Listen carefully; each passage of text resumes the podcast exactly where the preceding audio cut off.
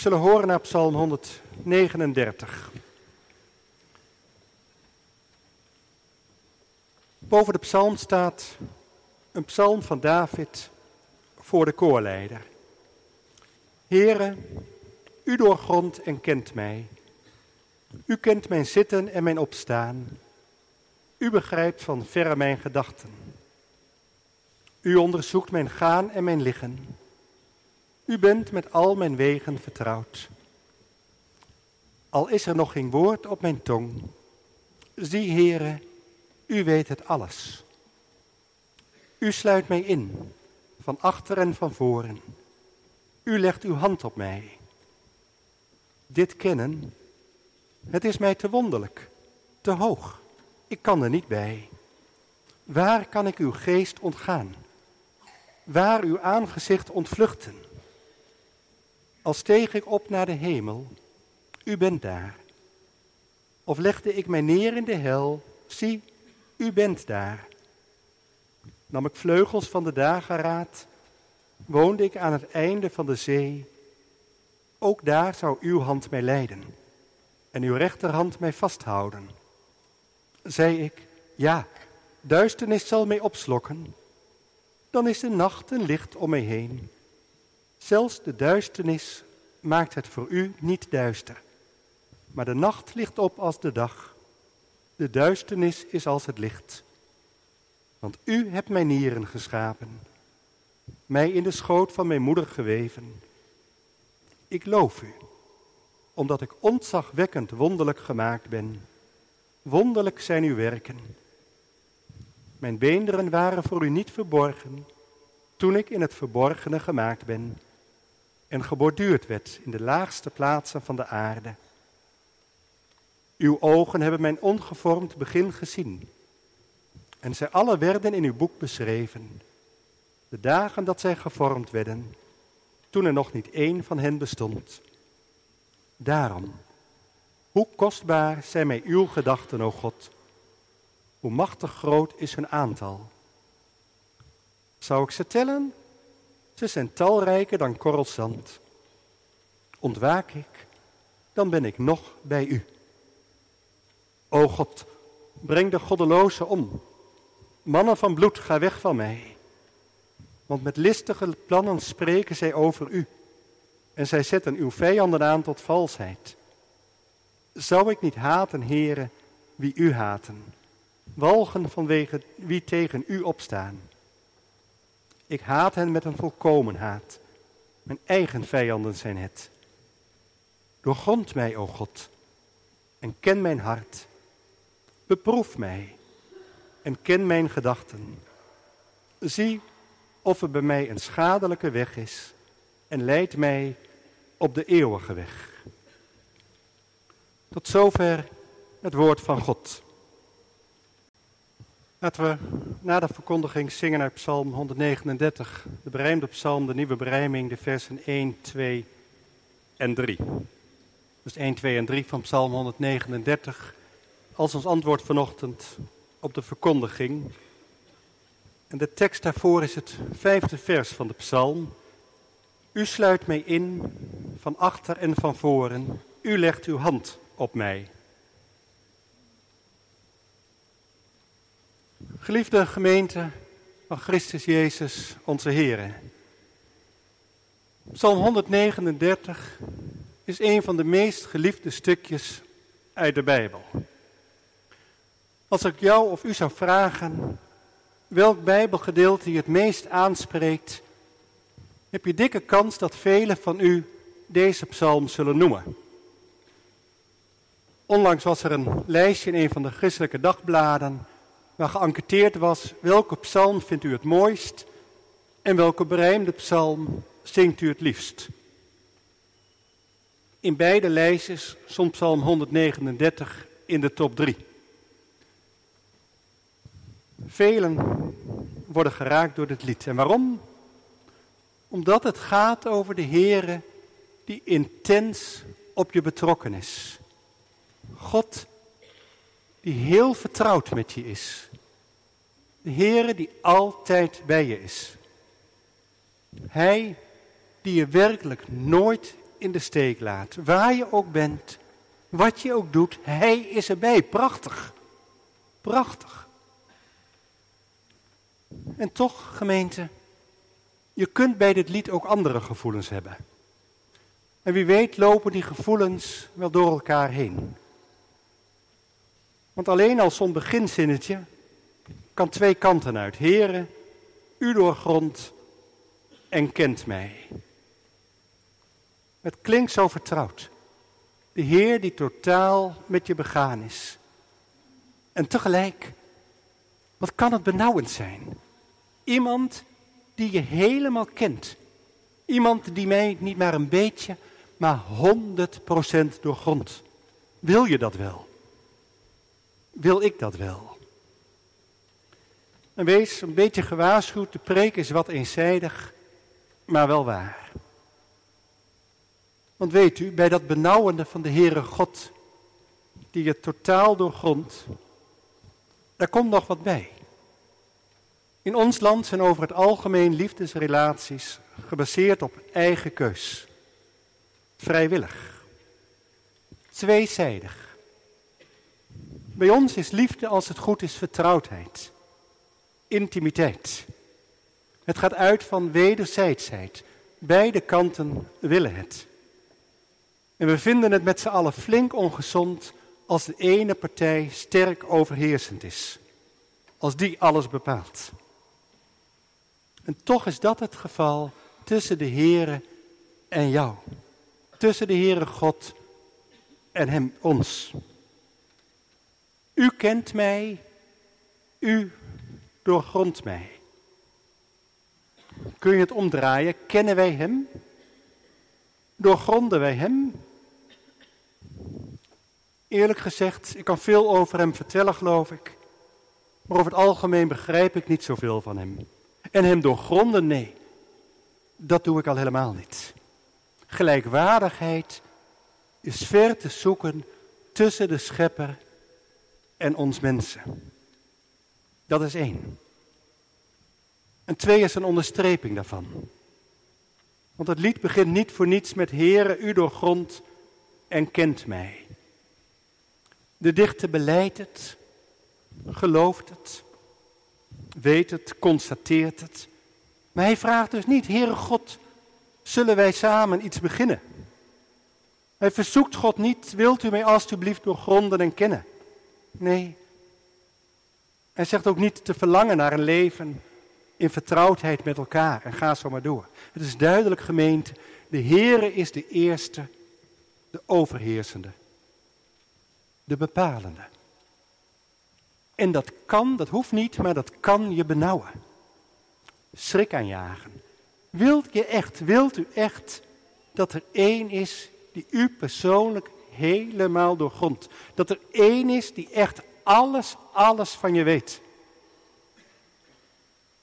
Niet alleen maar wat anderen aan je merken, hoe zij mij kennen, maar één die alles weet, ook dus van je diepste gevoelens. Van alles wat u denkt, opeens of doordacht. Die alles weet van mijn verlangens die ik voor iedereen verborgen wil houden. Eén die jou kent zoals je bent. Niet zoals je zou willen zijn. Niet zoals je je voordoet naar anderen of op de social media. Maar één die jou kent zoals je bent. Met al mijn mooie kanten. Met al mijn minder mooie kanten. Met al mijn goedheid, met al die nare trekjes van mij. Helemaal zoals ik ben. Stel je eens voor dat je buurman thuis, je collega, diegene die naast je zit in de trein, of voor je staat bij de kassa, die hier voor of achter of naast u zit, dat die echt alles, alles van je weet. Of misschien je vader of uw vrouw ook. Dat die zomaar in je hersenpan kan kijken, in je hart en in je ziel. Bij alles hoe je denkt over een ander alleen al. Of over jezelf. Niet zomaar vertaalt de Naderse Bijbel zo letterlijk, onze tekst, van achter, van voren, hebt gij mij omklemd. Hebt ge op mij uw handpalm gelegd. De Statenvertaling heeft het over bezetten. Andere vertaling over insluiten. En een Duitse vertaling die zegt, hinten, vorn, engst du mich ein. Legst auf die, mich deine Faust. Dan voelt u het wel.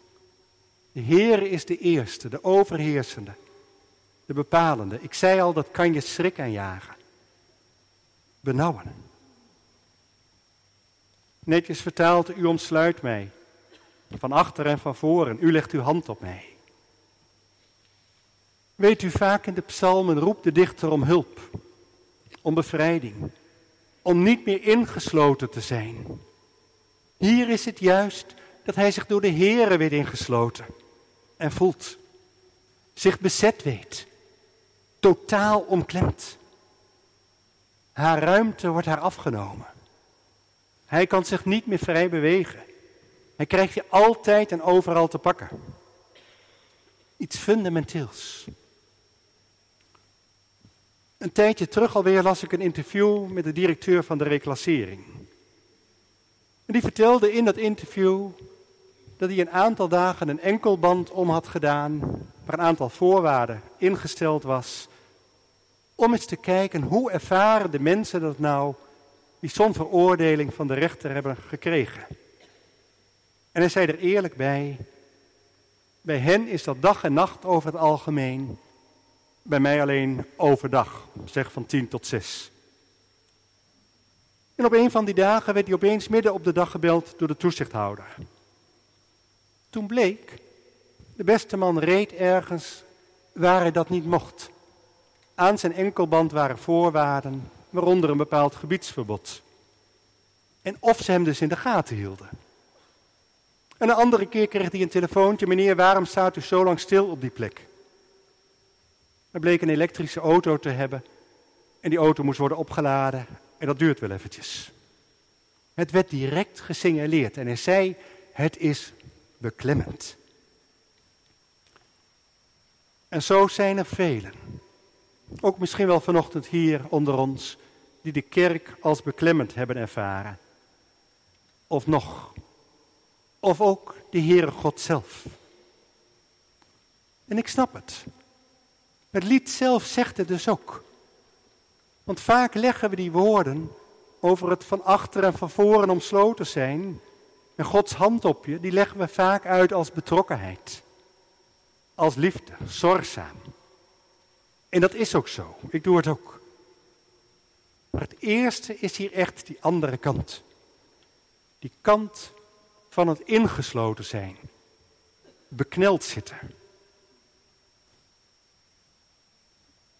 Iedereen weet, zeker sinds zeg maar de beweging van MeToo, dat een knuffel prima kan zijn, maar als iemand dwingt tot een knuffel, of als iemand het gevoel kan krijgen, ik word gedwongen om een knuffel te geven, dan gaat het mis. Dan is het mis. Omknellen, insluiten, dat is maar niet een intense omhelzing, een doorgeslagen knuffel. Nee, het is echt van een andere orde. Een andere intentie, een valse intentie. Overheersen is het. Macht gebruiken. Misbruiken. Fysiek of mentaal. Of beiden. Er is geen gelijkwaardigheid. Als je ingesloten bent, van voren, van achteren en boven je, dan kun je geen kant uit. Je bent omsingeld tot en met. Afschuwelijk. Dat gevoel van opgesloten, ingesloten zijn. Wat kan dat benauwend zijn, tot stikkens aan toe? Stelt u zich eens voor dat je hier zit, in de kerk, in de bank, op een stoel, of misschien wel thuis, op de bank, misschien wel in bed zelfs. Iemand begroet je, maar niet met een high five of een knuffel. Iemand komt maar niet naast je zitten of liggen. iemand slaat zijn arm helemaal om je heen, zodanig dat je bijna niet meer kunt bewegen. Dat wil toch niemand? En zeg dan niet te snel, nou dominee, ik lees, ik versta dat lied anders. Om daarmee aan die nare, onheimische gevoelens voorbij te gaan. Nogmaals, dat anderen dat vertrouwelijke verstaan, dat snap ik zeker. Maar hoe je het went of keert, het gaat hier om insluiten, omsluiten, beknellen, omklemmen. Als het alleen positief zou zijn, vol vertrouwen. Waarom zou de dichter het dan ook hebben direct hierna over, waar kan ik uw geest ontgaan? Waar kan ik uw aangezicht ontvluchten?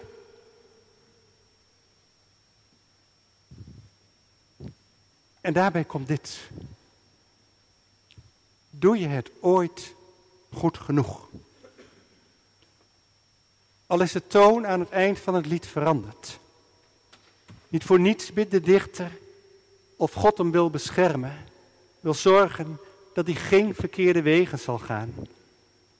Doe je het goed genoeg? Sterker, ben je wel goed genoeg? Goed genoeg voor die God die jou en mij helemaal doorgrondt. Van binnen en van buiten.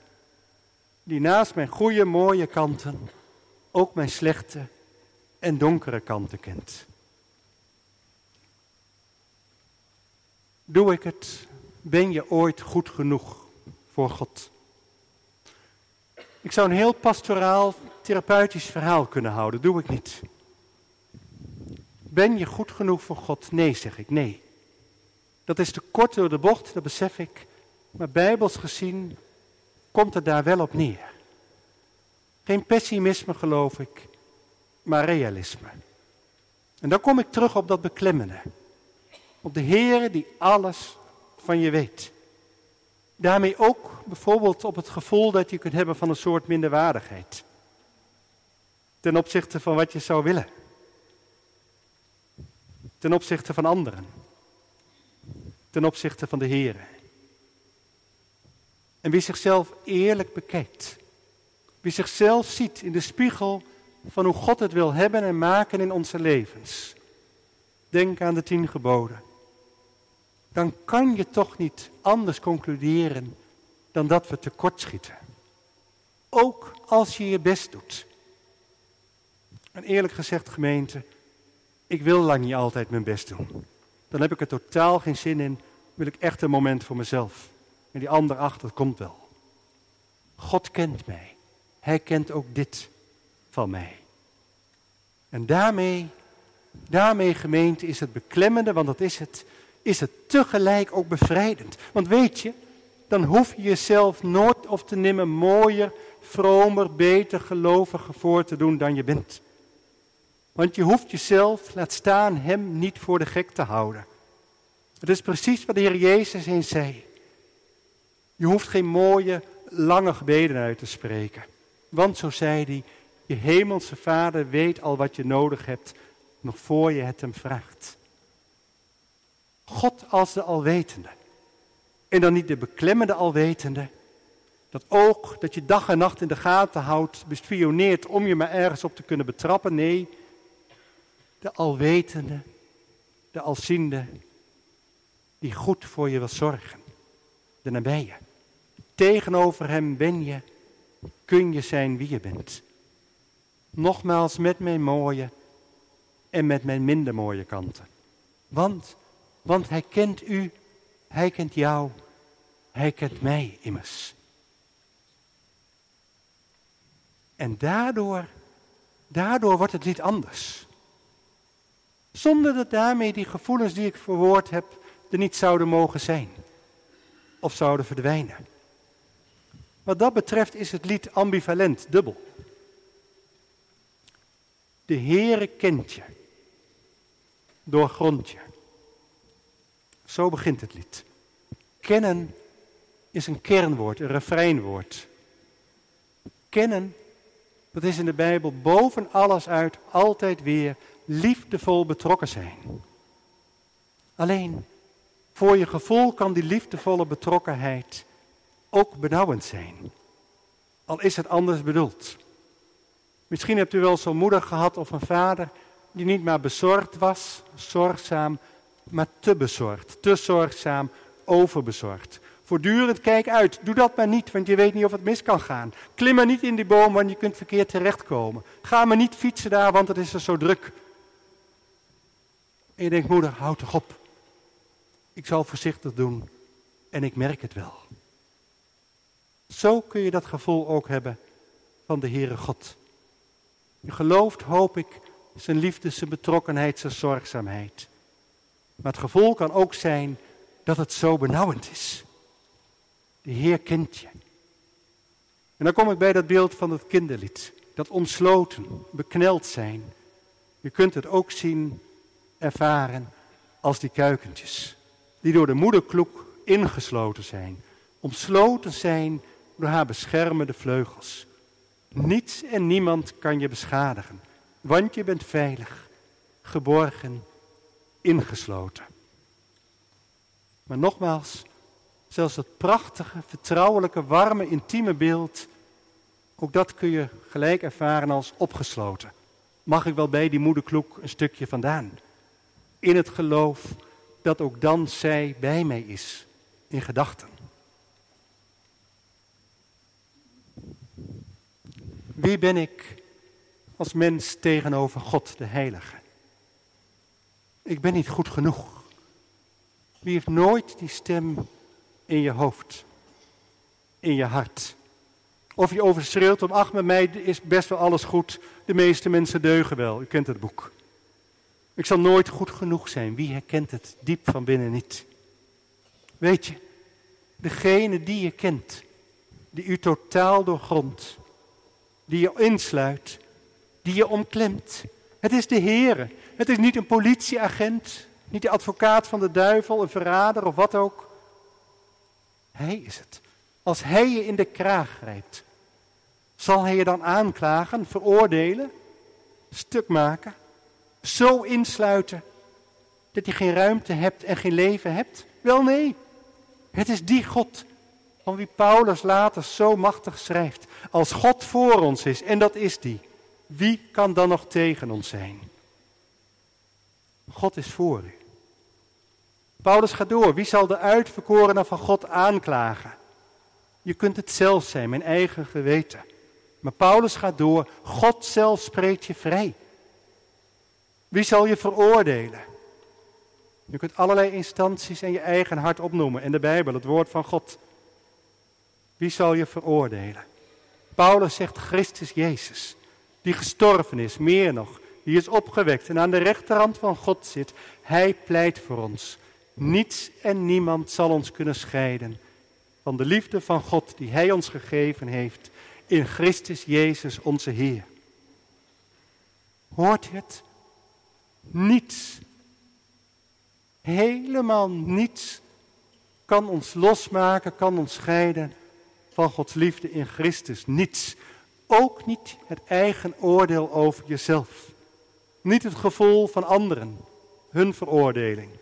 Ook niet je gevoel van beklemming, van opgesloten zijn. Niets, want, want Hij is God, Hij is de Heer. Hij laat u allemaal hoofd voor hoofd niet los. En waarom niet? Omdat Hij God is, de Heer, genadig, barmhartig rijk aan goedheid. Daarom. Amen.